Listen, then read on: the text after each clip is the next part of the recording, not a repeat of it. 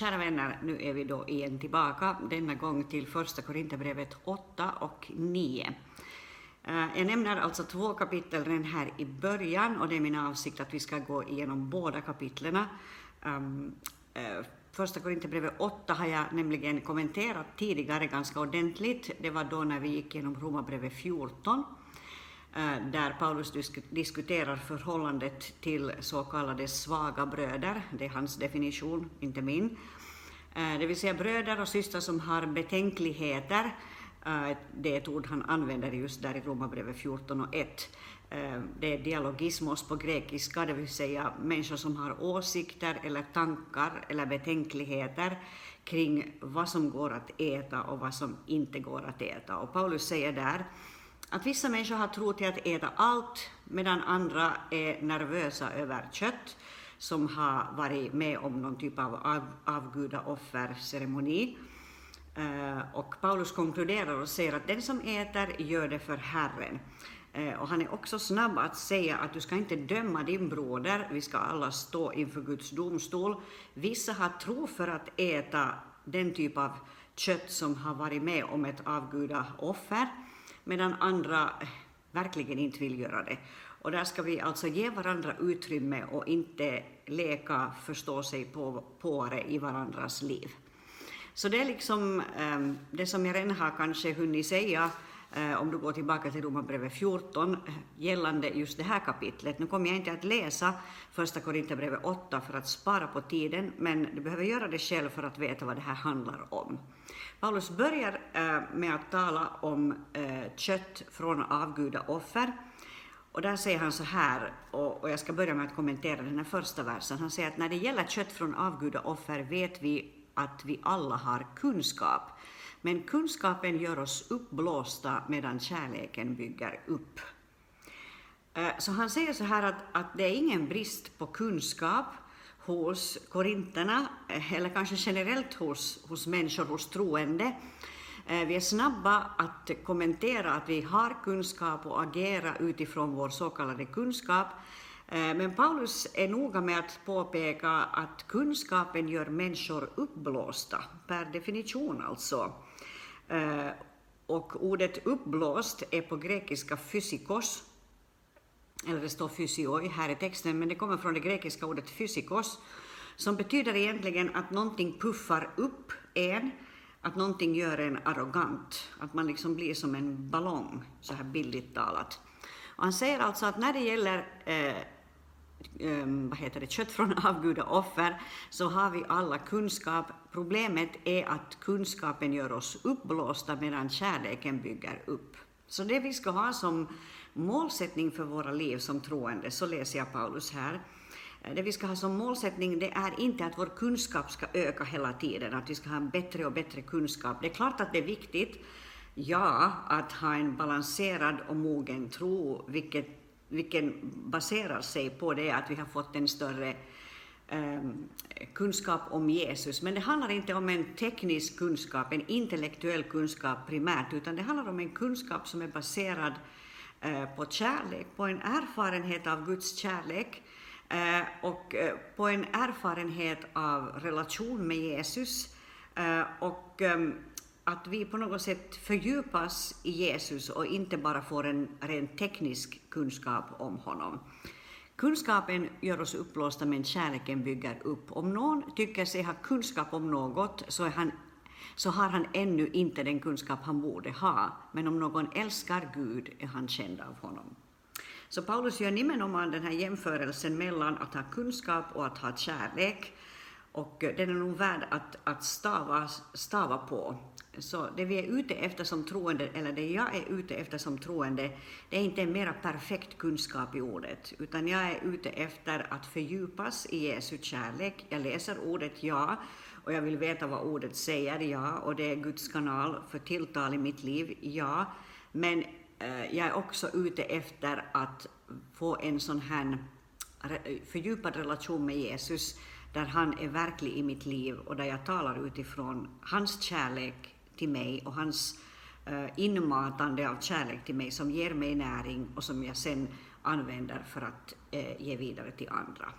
Så Paulus börjar med att säga här att att kunskapen upplåser eh, men kärleken bygger upp.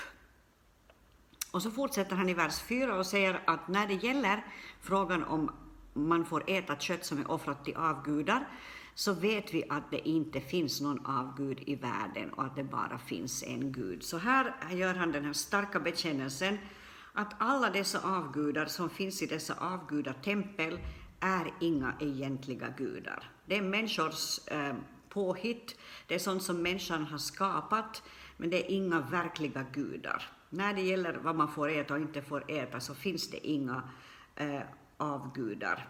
Eh, och, eh, aha, det här är liksom utgångsläget. Så om du reser till Indien till exempel, eh, så behöver du inte vara rädd för att någon avgud där ska attackera dig eller, eller liksom provocera dig. Eh, utan du kan vara fullständigt trygg, för det finns bara en enda sann Gud, och det är Jesus Kristus. Eh, och det gäller nog som troende att bli stark i den insikten, därför att i den här världen så finns det definitivt människor som med seriositet följer andra gudar eh, och räknar med andra gudars kraft. Det finns människor som är eh, rent demoniskt påverkade av andra krafter och eh, vi kan möta sådana erfarenheter och det kan till och med vara skrämmande i sig, skrämmande erfarenheter. Men vårt utgångsläge är det att det finns ingen annan verklig Gud än Jesus Kristus. Gud Fader, Jesus Kristus, den helige Ande, treenigheten, Gud som är en enda Gud men som uttrycker sig på tre olika sätt genom Fadern, Sonen och Anden. Eh, så det är vårt utgångsläge. Det finns ingen orsak till fruktan, men samtidigt eh, så säger Paulus här, och det var i vers 7, eh, den kunskapen, alltså att det finns bara en Gud, finns dock inte hos alla. Några är fortfarande så vana vid avgudarna att de äter köttet just som avgudaoffer och då blir deras svaga samvete fläckat. Så om man äter eh, det här avgudaoffersköttet eh, med den avsikten och med den tanken eh, att det här är ett avgudaoffer, det jag äter nu, då får det också konsekvenser i ens liv. Då blir deras svaga samvete fläckade. Eh, men det är inte maten som för oss närmare Gud, säger Paulus. Äter vi så förlorar vi ingenting förlåt, äter vi inte så förlorar vi ingenting och äter vi så vinner vi ingenting. Men det han är ute efter är att säga att se till att den frihet ni har fått inte blir till fall för de svaga. Alltså provocera inte människor genom att äta eh, utifrån din frimodighet och din styrka, äta vad som helst och gå var som helst därför att du inte är rädd för någonting, utan ta hänsyn till dina bröder och dina systrar. Din frihet ska inte få provocera de som är svaga. Eh, eller vi kunde också säga så här att, att synda inte mot bröder och systrar och deras svaga samvete, därför att det är detsamma som att synda mot Kristus. Det säger Paulus också här i vers 12, att när ni på så sätt syndar mot bröderna och liksom provocerar dem som har ett svagt samvete, ehm, då syndar ni mot Kristus. Och det är ju allvarligt. Så, så tänk noga igenom det här, att alla mina systrar och bröder i tron de är gåvor till mitt liv. De ska jag inte provocera. Min uppgift är inte att peta i deras liv och liksom försöka få dem att våga mer än de vågar, eller att försöka få dem att inte våga göra det de vågar. Utan om du sköter ditt liv, så sköter jag mitt liv. Eh, och eh, förstås är min uppgift som pastor att försöka hjälpa dig att växa i tron, så i den bemärkelsen har jag en, en roll i ditt liv, om du så önskar. Eh, men, men vi är inte till för att liksom peta i varandras övertygelse när det gäller vad man får och vad man inte får. Och därmed har vi tittat på kapitel 8 och nu har det gått nio minuter så nu vågar vi gå in också i kapitel 9. Där börjar Paulus genom att säga så här, är jag inte fri, är jag inte en apostel, har jag inte sett vår Herre Jesus, är inte ni mitt verk i Herren? Uh, och så fortsätter han och säger så här att om jag inte är apostel för andra så är jag det i alla fall för er. Ni är sigillet på mitt apostlaämbete i Herren. Uh, så Paulus är för det första han är övertygad om att han är kallad till apostel, han ber inte om ursäkt för det, istället så vill han ge ett starkt eller så tycker jag att han ger en stark bekännelse, han är apostel, det är hans funktion, det är hans arbete. Eh, och så säger han så här att ni är sigillet, alltså församlingen i Korint är sigillet på hans apostlaämbete i Herren. Det här ordet sigill eh, Det är ju eh, egentligen ett ganska starkt ord. Genom ett sigill så intygar man äktheten i ett dokument. Så trots alla dessa eländiga problem som Korintförsamlingen kämpar med och som jag ju har varit inne på tidigare, så ser Paulus dessa människor som sigiller som intygar hans apostlaämbete. De intygar alltså äktheten i Paulus apostlaskap. Eh, så Paulus ger inte på något sätt något uttryck för att han skäms över dem, även om han är tuff i sin approach när det gäller att reda upp saker och ting i församlingen i Korint. Eh, men eh, han är, han är snarare ute efter att visa sin kärlek till dem på olika sätt. Och han säger ner sigillet på mitt apostlaämbete är Herren. Han, han är liksom stolt över det han har i dem och han, är inte, han, han skäms inte för att på något sätt visa kopplingen till dem. Det är sigillet på hans apostlaämbete i Herren. Eh, sen kommer vi då in i ett sammanhang, ja om jag nu, förlåt, om jag ännu ska citera ett annat ord där Paulus säger ungefär samma sak så är det andra Korinthierbrevet 3. Det tänkte jag också ta med till er, jag höll på att glömma det. I de första tre verserna så säger han samma sak om liksom kopplingen till församlingen i Korint. Börjar vi nu rekommendera oss själva igen, nu läser jag vers 1, eller behöver vi som vissa andra rekommendationsbrev till er eller från er? Nej, ni är vårt brev skrivet i våra hjärtan, känt och läst av alla människor.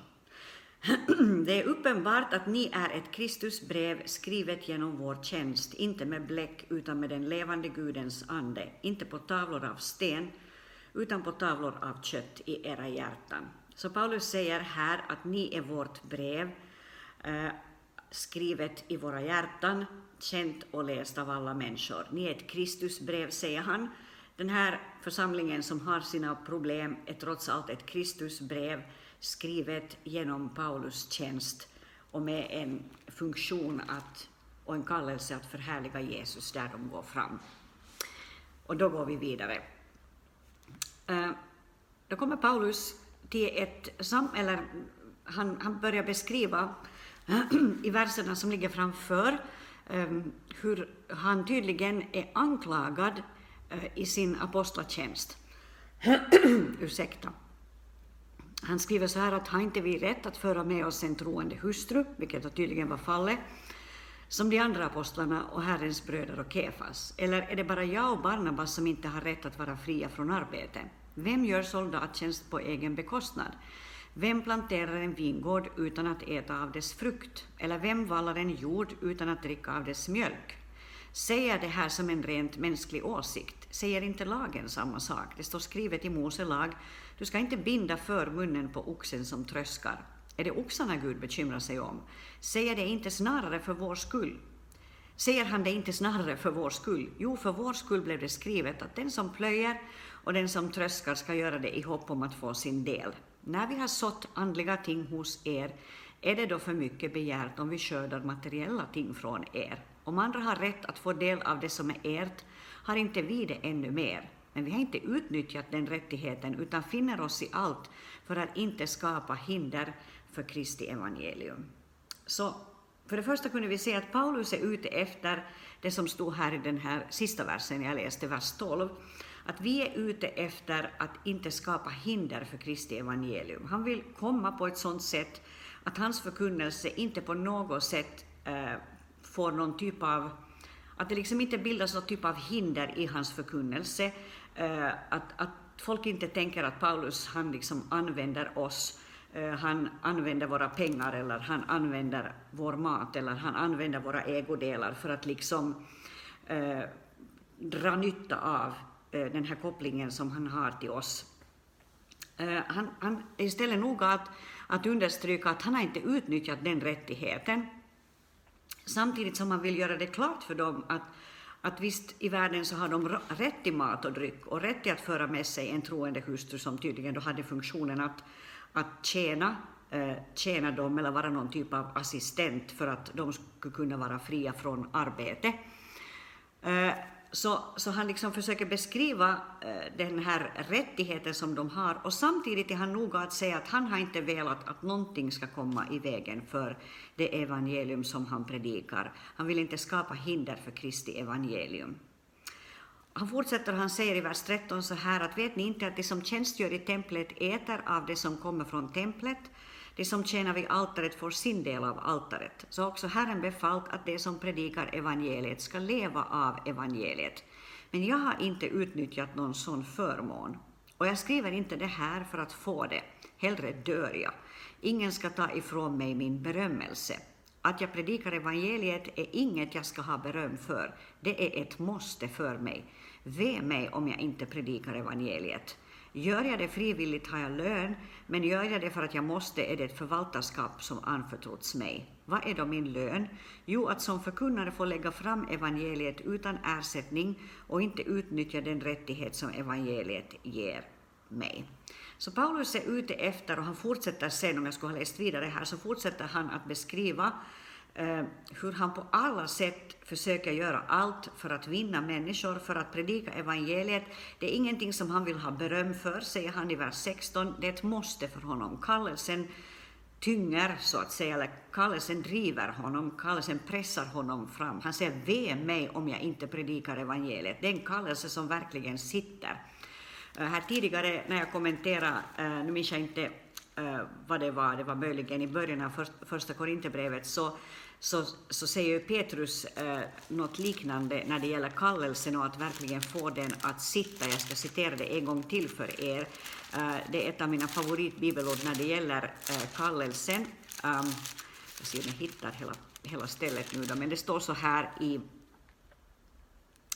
i Andra Petrusbrevet i det första kapitlet och den tionde versen. Därför tänker jag ständigt påminna er om detta, trots att ni redan eh, Eh, vet det och är befästa i den sanning som ni har. Nu var jag vers 12, men jag skulle vara vers 10. Var därför desto ivrigare bröder att befästa er kallelse och utgårelse. Gör ni det ska ni aldrig någonsin falla. Eh, så Petrus säger alltså att ni ska vara noga med, eller ivriga, att befästa er kallelse. Se till att kallelsen blir stark, att utkårelsen, utväljandet, Guds ja över ert liv, att det sitter som berget. Och här, om jag går tillbaka då till första Korinthierbrevet, så säger Paulus att, att han, han har en stark kallelse, ve mig om jag inte predikar evangeliet, uh, och, uh, och ve mig om jag inte för fram det som Gud har lagt ner på mitt liv. Uh, det är ett måste för mig, säger han. Att jag predikar evangeliet är inget jag ska ha beröm för, det är ett måste för mig, vers 16. Det är en inre kallelse som driver honom. Och så fortsätter han och han säger så här att fri och oberoende av alla har han gjort sig till allas tjänare för att vinna, vinna desto fler. Och då kommer en sån här, ett sån intressant, um, en intressant avdelning här, eller några verser som jag tycker är jätteintressanta. Han säger så här att för judarna har jag blivit som en jude för att vinna judar. För dem som är under lagen har jag blivit som det som är under lagen, fast jag själv inte är under lagen, för att vinna dem som är under lagen. För dem som är utan lag har jag blivit som en utan lag, för att vinna dem som är utan lag, fast jag själv inte är utan Guds lag, utan lyder under Kristi lag. Eh, för mig ehm, kommer nog den här starka signalen när jag läser det här att Paulus är väldigt noga med att på något sätt vandra i den frihet som man har som en Guds rikes tjänare, för det första.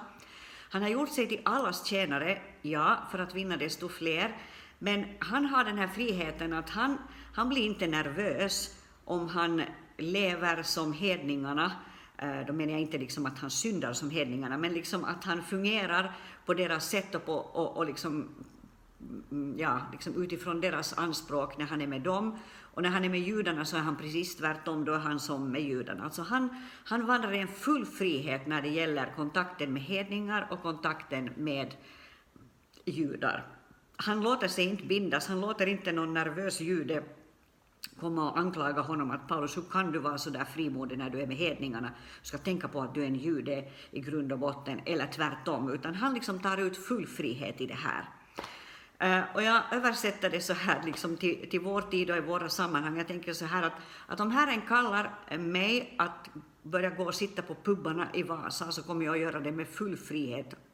Vem som helst får bli hur nervös som helst över det. Eh, eh, och jag är ju inte där för att provocera, men jag bara menade att, att för att kunna vinna människor i alla typer av lägen måste vi vara fria till att gå in i alla typer av sammanhang. Inte bara tänka att jag är för helig för att stiga in där, eller jag är för ren för att stiga in där, eller de där människorna som finns här, alla de här suputarna eller vad som helst, så de är liksom eh, Äh, jag, jag, kan inte liksom röra mig i samma miljö. De måste komma till kyrkan där vi samlas och där dörren är öppen om de vill någonting. Utan tvärtom så är vår kallelse att gå ut, att gå vart som helst och att gå ut i stor frihet. Och det säger också Paulus här, för i svaga har han blivit svag för att vinna de svaga. För alla har jag blivit allt för att i alla fall frälsa några. Allt gör jag för evangeliet. Så han, han liksom Eh, 100 procent, låter det som, öppen för Gud, öppen för de dörrar som han eh, vill se att Gud öppnar för honom. Eh, han vill ha öppna ögon inför de dörrar som Gud öppnar för honom och han han låter sig inte bindas av människors åsikter, människors tankar, utan han gör allt det här, inte för att liksom bara vara ute i, i stor frihet, utan för att vinna så många som möjligt. Och då kommer vi till den här sista Ehm, den här sista delen från vers 24 och framåt, att vet ni inte att av alla löparna som springer på arenan är det bara en som får priset. Spring så att ni vinner det. Alla som tävlar måste ha disciplin i allt. De gör det för att vinna en segerkrans som vissnar, vi för att vinna en som aldrig vissnar. Jag springer alltså inte utan att ha målet i sikte, jag boxas inte likt en som slår i tomma luften. Istället är jag hård mot min kropp och tvingar den till lydnad för att inte själv komma till korta när jag predikar för andra.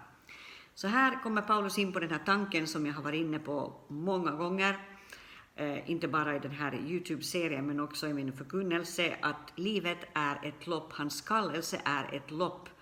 Och han säger spring så att ni vinner priset. Alla som tävlar måste ha disciplin i allt. Som troende så vandrar vi inte bara i frihet, och eh, som troende så är vi inte bara kallade till Guds vila, det är vi kallade förvisso till, men vi är också kallade till att göra allt för att vinna så många som möjligt, att att ha den här attityden, jag vill springa för att vinna den här tävlingen. Eh, jag vill springa utifrån en disciplin. Jag har målet i sikte. Jag är hård mot mig själv. Och eh, eh, för att säga det enkelt här i avslutningen så skulle jag säga så här att, att ibland är det nog så med oss troende, eller ganska ofta till och med är det så med oss troende, att vi är liksom antingen eller-människor. Eh, en hel del troende är sådana här som sätter liksom all tyngdpunkt på detta att vi är kallade till att vila i Herren, att ta emot från Herren, att njuta av Guds kärlek. Och det är sant att det är vår kallelse och det är vår grund. Det var ju det som Paulus sa i början av Första Korinthierbrevet 8, att kärleken bygger upp.